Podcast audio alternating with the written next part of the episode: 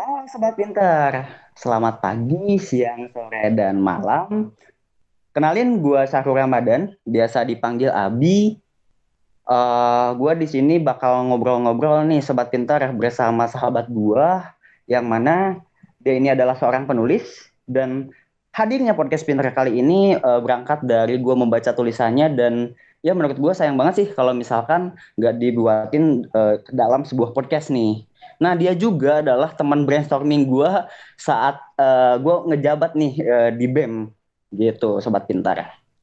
Nah, teman-teman Sobat Pintar nggak sabar kan? Uh, siapa sih yang akan ngobrol bersama gue? Nah, di sini langsung aja nih kita sapa ya, teman-teman, kita sapa bareng-bareng. Halo, Assalamualaikum Bang Hanif. Waalaikumsalam. Halo Sobat Pintar. Halo juga Abi. Halo Bang. Gimana kabarnya Bang? Alhamdulillah sehat. Abi gimana Bi? Sehat? Alhamdulillah gue sehat selalu bang. Meskipun ya sekarang ya suka beradak. Oke oke. Oke bang. Uh, kayaknya teman-teman sobat pinter ini kayak pengen kenal lebih dekat nih sama Bang Hanif. Jadi nggak uh, mau hanya kenal sama namanya.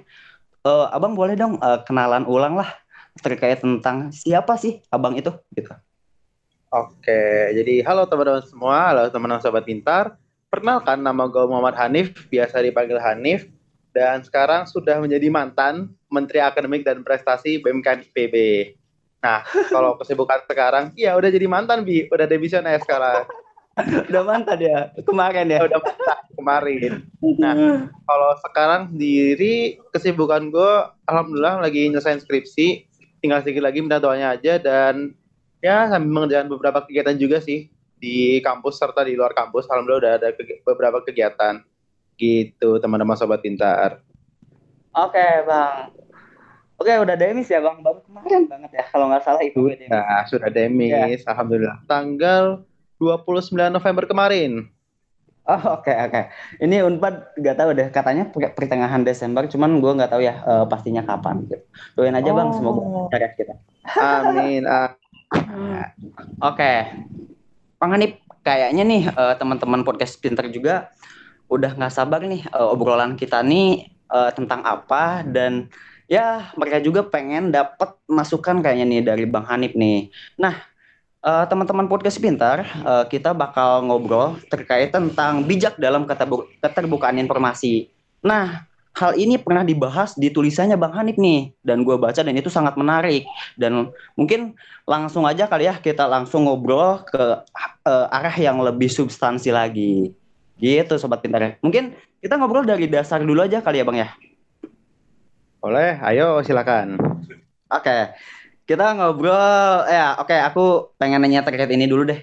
Bang uh, keterbukaan informasi menurut versi Bang Hanif itu apa ya Bang ya Oke, nah hasilnya disclaimer dikit nih Bi. Jadi yang gue kritisin di blog gue pada saat itu tuh yang gue rasa adalah penggunaan informa penggunaan informasi di media digital saat ini nih. Nah, kalau kita nanya keterbukaan informasi sendiri, gue mungkin lebih menghalek tentang keterbukaan informasi publik nih. Karena kan informasi ada yang bersifat publik, ada yang bersifat private ya. Nah, kalau keterbukaan informasi publik ini, ini udah menjadi salah satu acuan atau apa yang bisa menjadi penilaian publik tentang suatu organisasi publik ini. Misalkan ya dari BMK Unpad nih. BMK, BMK Unpad ketika keterbukaan informasi publiknya semakin baik maka bisa dibilang kredibilitas BMK Unpad itu semakin baik. Seperti itu kurang lebih tentang keterbukaan informasi publik. Gitu teman-teman sobat pintar.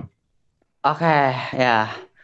Paham kan teman-teman sobat pintar? Oke. Nah ini faktanya nih bang, gue uh, pengen langsung aja nih ke fakta.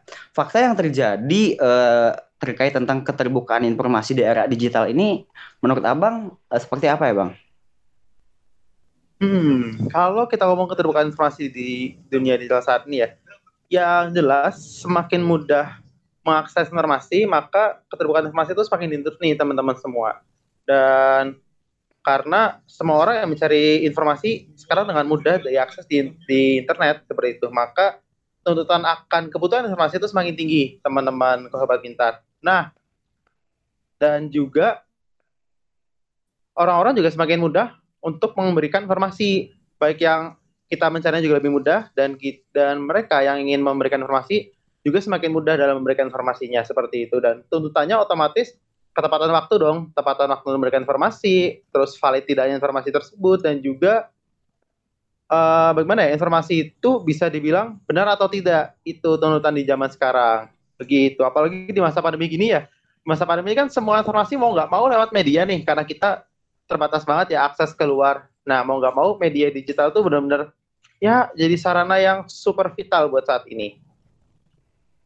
Ya, gue sangat sepakat banget nih bang. Menarik banget nih. Jadi digital ini sangat vital di zaman ini. Nah, terus tadi bang Anik bilang ya bahwa ya uh, kalau mis ya kalau misalkan uh, suatu lembaga misalkan ya kredibilitasnya itu ditentukan oleh ya uh, terkait tentang postingan-postingan dia apakah benar atau tidak gitu kan. Nah terus kalau misalkan nih bang, kalau misalkan ada orang nih yang nge-share uh, terkait uh, ya informasi yang dikeluarkan oleh lembaga, terus uh, ya tapi dia salah penyampaiannya gitu loh bang. Dan menurut abang uh, gimana nih bang kalau misalkan menanggapi hal itu? Hmm, salah penyampaian berarti ketika salah menyampaikan dalam meneruskan ya seperti itu yang ya, gue tangkap benar nggak? Ya, hmm, Oke, okay. ya, nah benar. sebetulnya gini, ini tradisi jelek yang dimiliki orang-orang sekarang. Jadi orang sekarang itu bacanya nggak 100%, cuma sorry, bacanya nggak 100% bahkan cuma baca 50% nih. Baca 50%, pahamnya 25%, tapi ngomongnya 200%. Nah, ini realita yang gimana ya? Iya, tapi kalian juga Bener gak? Jadi makanya yeah. makanya kesalahan itu banyak terjadi karena ya dibaca juga nggak seberapa, dipahami juga nggak seberapa. Eh tapi penyampaiannya Duh, ya Allah, bener-bener. Waduh, lo ke Jawa gue keluar lagi? Jengkel gak bang? Jengkel gak? Jengkel, jengkel. jengkel gue kalau gitu ya. Apa ya informasinya salah disampaikan? Mungkin itu yang jadi salah satu penyebab terbesar kenapa uh, di mana orang tuh nyebut dapat informasinya salah, apalagi dapat informasinya broadcasting broadcasting gitu kan. Kenapa broadcasting hmm, broadcasting yeah. salah? Karena itu salah satu penyebabnya. Pahamnya nggak seberapa, bacanya nggak seberapa, tapi menyampaikannya seperti apa gitu. Penyebab-penyebab yang membuat kita banyak menerima ya. Jadinya kan kalau menerima kan belum tentu di dicerna ya, dicerna dan dipahami. Menerima dulu. Kita banyak menerima informasi yang uh, kurang benar seperti itu. Oke, Bang. Nah, ini masukan yang keren parah luar biasa nih buat teman-teman uh, pendengar, teman-teman sobat setia, uh, sobat pintar.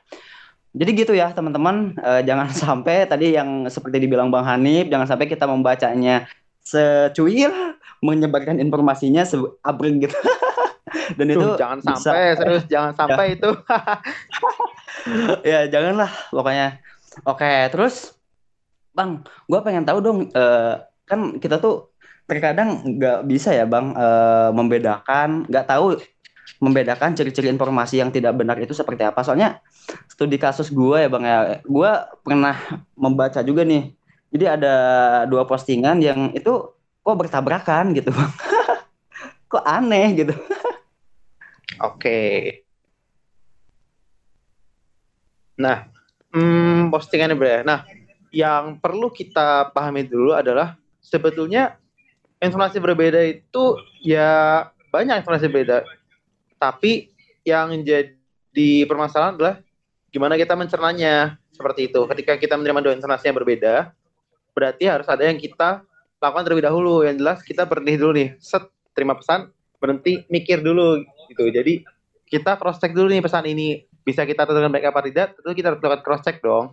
Yang pertama, sumbernya dari siapa nih? Apakah sumbernya bisa dibilang terpercaya atau justru malah sumber-sumber yang abal-abal seperti itu. Lalu yang kedua, siapa nih yang menyebarkan? Seperti itu. Jika memang yang menyebarkan adalah orang yang emang istilahnya tidak membawa apa-apa ya, dalam artian mereka memang benar-benar seorang penyebar informasi, penyebar seorang informan gitu, kita bisa menilai hal tersebut seperti itu. Lalu yang ketiga, substansi yang dibawakan itu apakah hoax atau tidak kadang kan ada yang informasi ber apa ya berbumbu hoax gitu berbumbu hoax dan itu yang sangat berbahaya untuk kita serap seperti itu dan juga oh ini mungkin agak apa ya yang nyambungnya tadi yang gue bilang kayak baca 50% paham cuma dari 5% tapi nggak boleh 200%. Nah, lalu yeah. yang selanjutnya buat kita bisa menentukan itu informasi apa baik atau tidak, mau nggak mau dari kitanya harus membaca penuh dong semua pesan tersebut. Gitu kurang lebih jadi kita kita ketika kita bisa membaca penuh, kita bisa memahami dulu nih ini benar atau tidak, apakah mengandung hoax atau tidak, siapa yang menyebarkan, dari lembaga mana yang menyebarkan sehingga bisa kita apa ya bisa kita tentukan informasi ini baik atau tidak seperti itu. Gitu bi.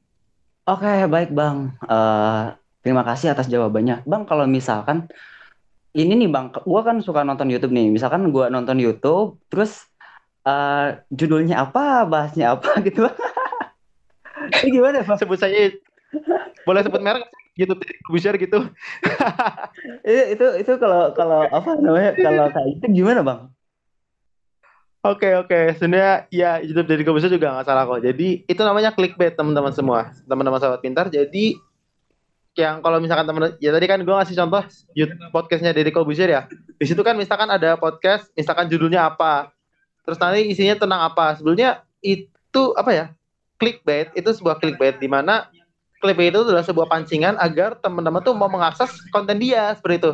Kan kalau misalkan apa clickbait dan judulnya nyeleneh ya kayak misalkan Deddy Kobusier tag bersama Pak Anies Baswedan apa-apa apa-apa. Judulnya menarik nih, judulnya apa namanya? Judulnya mancing perhatian. Itu kan orang-orang pasti secara nggak langsung naluri ya bakal ngeklik itu kan. Nah, itulah yang namanya clickbait seperti itu Bi dan itu nggak oh, salah. Gak tahu gue. Dia suka aneh gitu, Bang. Iya, pasti suka aneh kan. Cuma itu nggak salah dan gue pun sempat beberapa kali menggunakan clickbait sih di di tulisan di blogspot gua. Mungkin teman-teman bisa kunjungin ya promosi dikit deh kata masanif.blogspot.com boleh, boleh, boleh. nanti nanti di akhir biar lebih jelas ya biar lebih bisa disimak mungkin boleh, sos, boleh, sos, eh, sosmednya dan segala macamnya itu di akhir mungkin bang. Oke okay, boleh bang, bang. Uh, ya itu itu bang ini gua apa? Hmm? ya gua klik uh, salah. Oke oke oke siap Bang, ini gue pengen satu studi kasus lagi nih bang, yang mungkin membuat gue resah mungkin bang. Nah, kalau misalkan, bang, kalau misalkan gini, ini studi kasusnya kalau misalkan uh, ada suatu lembaga pemerintahan uh, kirim uh, apa ya namanya, ya keluarkan berita, misalkan berita covid lah ya bang. Cuman uh, misalkan ada masyarakat yang kurang percaya terkait tentang berita itu itu jadi kayak mereka nggak merasakan bahwa di daerahnya itu misalkan eh, apa ya namanya nggak terkena covid. Tapi eh, di beritanya misalkan wah ini zona hitam misalkan bang gitu. Sedangkan si masyarakat itu nggak merasakan dan dia nggak percaya sama berita itu. Nah kalau misalkan terjadi hal-hal yang seperti ini bang siapa sih yang salah? Apakah eh, pemerintahnya yang kurang bisa eh, memberikan kepercayaan kepada masyarakat? Atau masyarakatnya nih bang yang salah gitu Oke, gini teman-teman semua. Berarti mau nggak mau kita harus uh, coba lihat dari dua sisi pandang. Nah, yang pertama mungkin kita lihat dari sudut pandang masyarakat dulu nih. Kenapa masyarakat bisa nggak percaya? Karena bisa jadi dia tidak merasakan langsung dampak dari COVID-19 ini. Nah, ini gue ambil contoh nih. Bisa jadi seseorang nih, dia nggak percaya sama COVID gitu. Pikirnya, lu percaya COVID nggak? Enggak, gue nggak percaya. Orang gue sehat-sehat aja kok. Gue ke mana-mana nggak pernah kena. Nah, pada saat ini dia nggak percaya nih tapi nanti setelah dia uh, terkena COVID nih, apa apesnya dia akhirnya baru percaya kayak, ih anjir ternyata COVID benar-benar ada ya. COVID itu benar-benar ada nih. Gue kena COVID nih, sekarang gue contoh nyatanya. Seperti itu. Nah, itu dari sudut pandang masyarakat. Kenapa masyarakat bisa jadi nggak percaya akan berita COVID? Nah, kalau dari sudut pemerintah, pemerintah itu menggunakan cara sampling data seperti itu. Jadi, uh, ada cara sampling data, ada juga cara ambil darah keseluruhan. Nah, ketika pemerintah mengeluarkan statement itu tuh zona hitam bisa jadi mungkin yang dia sampling itu daerah ternyata dia sampling secara besar nih misalkan satu kabupaten. Nah ternyata kabupaten ini dinyatakan hitam tapi kan pasti ada beberapa daerah desa-desa yang memang belum terkena covid. Itu bisa jadi ada seperti itu. Nah mungkin bisa jadi si orang ini berada di desa tersebut. Seperti itu. Atau mungkin kemungkinan lainnya adalah ada ya ini mungkin kesalahan yang kecil banget kemungkinannya karena pemerintah sudah pasti apa ya punya pengelolaan data yang baik ada jadi mungkin salah penyebaran atau salah salah dalam penghitungan yang gue rasa ini kemungkinannya nggak hampir nggak mungkin sih sebetulnya menurut gue ya karena pemerintah udah punya basis data yang baik seperti itu Nah, itu yang harus kita lihat sudut pandang yang berbeda. Kenapa? Uh, kalau dibilang benar atau tidaknya ya kita harus lihat dari sudut pemerintah seperti apa dan sudut masyarakat seperti apa. Sehingga nanti kita bisa menentukan ini berita benar atau tidak seperti itu. Itu mungkin sahabat-sahabat pintar. Luar biasa sekali bang jawabannya dan oh benar banget ya. Jadi kayak kita tuh jangan melihat uh, satu uh, apa ya kalau misalkan melihat informasi itu jangan melihat dari satu sudut pandang aja ya bang ya bang. Jadi harus uh, cek semuanya. Oke. Okay. Oke okay, Bang, mungkin sekarang uh, gue pengen langsung aja ya studi kasus udah dan uh, ini Bang, mungkin teman-teman podcast uh, Sobat Pinter ini pengen dikasih apa ya, eh, tips and trick mungkin ya, bukan tips and trick sih. Jadi kayak etika kita uh, dalam bersosial media, uh, dalam menerima dan menyebarkan informasi uh, harusnya itu seperti apa ya Bang? Yang baik itu. Oke, okay, etika bersosial media ya. Gini, teman-teman sobat pintar. Sebetulnya sosial media itu kayak hubungan kita ngobrol sama orang cuma dibuat melalui media. Seperti itu. Ya berarti mau nggak mau ketika kita bersosial media ya kita harus memperhatikan dong bagaimana kita ngobrol sama orang, tata keramanya, menggunakan penggunaan kata-katanya, sopan santunnya. Terus itu harus tentu saja itu harus diperhatikan seperti itu dan ketika bersosial media dan menyebarkan informasi ya juga menyebarkan informasi dan menerima informasi mau nggak mau kita harus tahu terlebih dahulu nih informasi ini apakah layak disebarkan atau tidak? Ini buat penyebaran informasi ya. Buat yang menyebarkan informasi ini yang pertama informasi itu layak disebarkan atau tidak. Terus yang kedua apakah kalian mendapatkan informasi ini dari sumber yang valid atau tidak? Seperti yang udah sempat gue bilang sebelumnya itu yang harus kalian pastikan seperti itu. Dan ketika kalian menyebarkan informasi tersebut apakah ada kemungkinan menyebabkan apa ya menyebabkan konflik atau tidak? Itu harus kalian lihat terlebih dahulu seperti itu. Dan lalu buat penerima informasi tentu saja ketika menerima informasi yang pertama diem dulu terus mikir sebenarnya semua harus diem dulu terus mikir dulu sih sebetulnya. Mikir dulu nih informasi ini yang kalian terima itu benar nggak sih? Cross check sumbernya cross check penyebar medianya terus juga itu yang harus kalian lakukan seperti itu. Jangan sampai terima informasi mentah-mentah terus kalian ya pahami secara apa ya langsung diterima langsung diterima seperti itu. Mau nggak mau ya harus mikir dulu untuk menerima informasi dan dalam bersosial media tadi udah gue bilang seperti ngobrol sama orang cuma dibuat media seperti itu. Dan juga otomatis kita harus bisa saling hormati saling menghargai dan juga nggak boleh menyakiti satu sama lain dengan media. Kadang kan kayak oh ini mungkin yang suka-suka apa ya suka-suka nyindir-nyindir kasar di media sosial. Itu gak galau. Iya. Sebenarnya bukan galau sih. Kalau kalau galau di media sosial ya mungkin gue bisa merasa itu ya hal yang wajar gitu. Karena sosial media tempat orang ber apa ya berekspresi ketika mungkin di dunia nyata mereka kurang dapat kurang dapat perhatian gitu ya mereka berada ke sosial media seperti itu dan oh, okay. harus digunakan ketika di sosial media ya terutama yang apa ya kadang tuh gini sosial media itu membuat orang merasa gue memiliki power yang besar, tapi tanpa tanggung jawab seperti itu. Mereka bisa seenaknya aja ngelontar-ngelontar kata, seenak-enak aja aja mengontar apa ya, memberikan ungkapan negatif itu. Dengan mereka bersembunyi di balik nama anonim. Sebenarnya kan itu ngeselin ya. Tapi ya, ya itu emang ada. Itu emang ada dan sebenarnya ya ini yang toxic gitu. Dan kita nggak boleh jadi seperti itu. Begitu. Itu teman-teman okay. semua. Mantap gitu. Bang Hanif. Nah, jadi biar ini nih dalam keterbukaan informasi ini apalagi di era digital siapa pun uh, bisa menyebarkan informasi dan membuat informasi juga bisa ya Bang ya. Nah, ini betul banget. Sampai teman-teman uh, galau misalkan ditikung sama temennya gitu. Terus tiba-tiba berantem di medsos saling sindir. Terus misalkan ada suatu lembaga yang buat acara dan ya terus di komennya itu di medsosnya dan itu jadi peran medsos gitu. Aduh, ini sih mungkin ini kurang bagus ya bang ya ditampilkan di publik karena itu merepresentasikan siapa uh, pendiri dari uh, apa ya ya lembaga itu dan siapa yang membuat hal itu gitu teman-teman. Oke bang, etikanya udah dapat nih. Mungkin ajakan deh sekarang ajakan. Ini mungkin pertanyaan terakhir. Nah ini ajakan dari Bang Hanif nih Bang kepada uh, sobat pintar biar mereka itu setiap individunya itu mampu bijak Bang dalam mengelola informasi di era digital ini. Oke, yang penting yang jelas uh, harus benar-benar selektif dan harus benar-benar kita mau nggak mau menggunakan otak kita berulang kali buat mikir informasi benar atau tidak. So, jangan jangan cuma terima informasi terus kita terima mentah-mentah seperti itu. Klarifikasi sumbernya, klarifikasi penyebarnya dan cross check isinya. Ini harus kita lakukan terlebih dahulu sehingga kita bisa bijak gitu dalam menggunakan media sosial dan juga menerima serta menyebarkan informasi seperti itu. Dan juga perhatikan juga etika ketika kita bermedia, ketika kita ber sebenarnya etika ngobrol yang kita buat dengan yang kita buat melalui media sosial seperti itu. Berarti harus jaga perasaan, harus saling menghormati, harus saling menghargai, dan apa ya, tidak menyebarkan kebencian dan tidak menyebarkan berita bohong.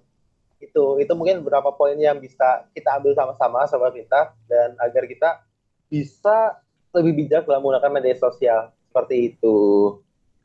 Oke, mantap sekali Bang Hanif. Nah, begitu ya eh, teman-teman sobat pinter. Jadi uh, siapa pun yang mendengarkan podcast ini harapannya ya Bang ya uh, eh, gue membuat uh, podcast ini kita berdua membuat podcast ini ya semoga yang mendengarkan itu uh, apa ya bisa bijak dalam uh, mengolah informasinya, mengolah med media sosialnya karena ya jangan sampai uh, kita ini ya saling serang atau misalkan saling menyalahkan di media sosial terus mohon maaf tadi sendawa. Nah, oke, okay, sobat pintar. Nah, mungkin begitu ya. Uh, makasih banyak Bang Hanif uh, atas iya, jawabannya. Iya, Jadi, terima kasih juga atas waktunya udah diajak sering-sering bareng nih. Oke, okay, siap Bang. Mantap.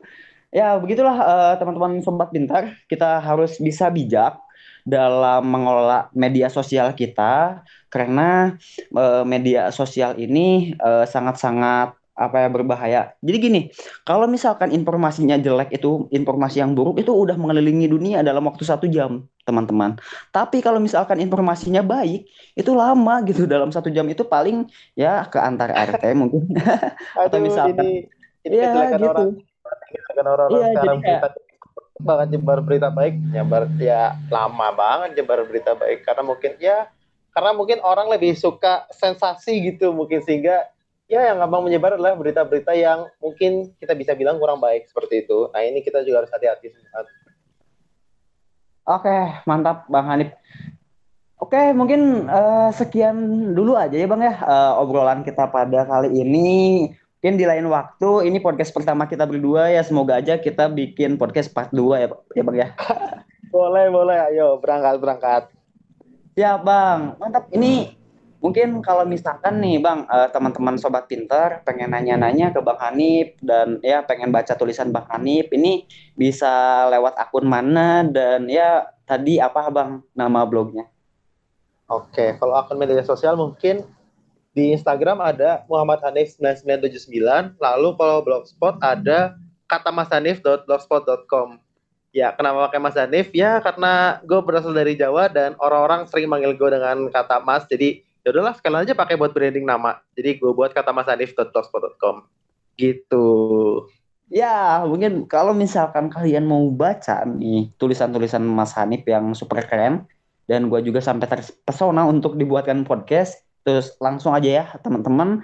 Langsung kunjungi aja uh, website uh, atau blognya Bang Hanif. Mungkin segitu aja uh, obrolan kita pada acara kali ini. Terima kasih banyak untuk para pendengar setia kita teman-teman sobat pinter di mana pun kalian berada. Mohon maaf kalau misalkan ada salah-salah kata dan ya kalau misalkan ada pihak yang tersinggung, mohon maaf yang sebesar-besarnya dari kami berdua. Uh, mungkin cukup sekian. Assalamualaikum warahmatullahi wabarakatuh. Waalaikumsalam warahmatullahi wabarakatuh. Terima kasih Abel dan terima kasih sobat pintar. Sampai jumpa.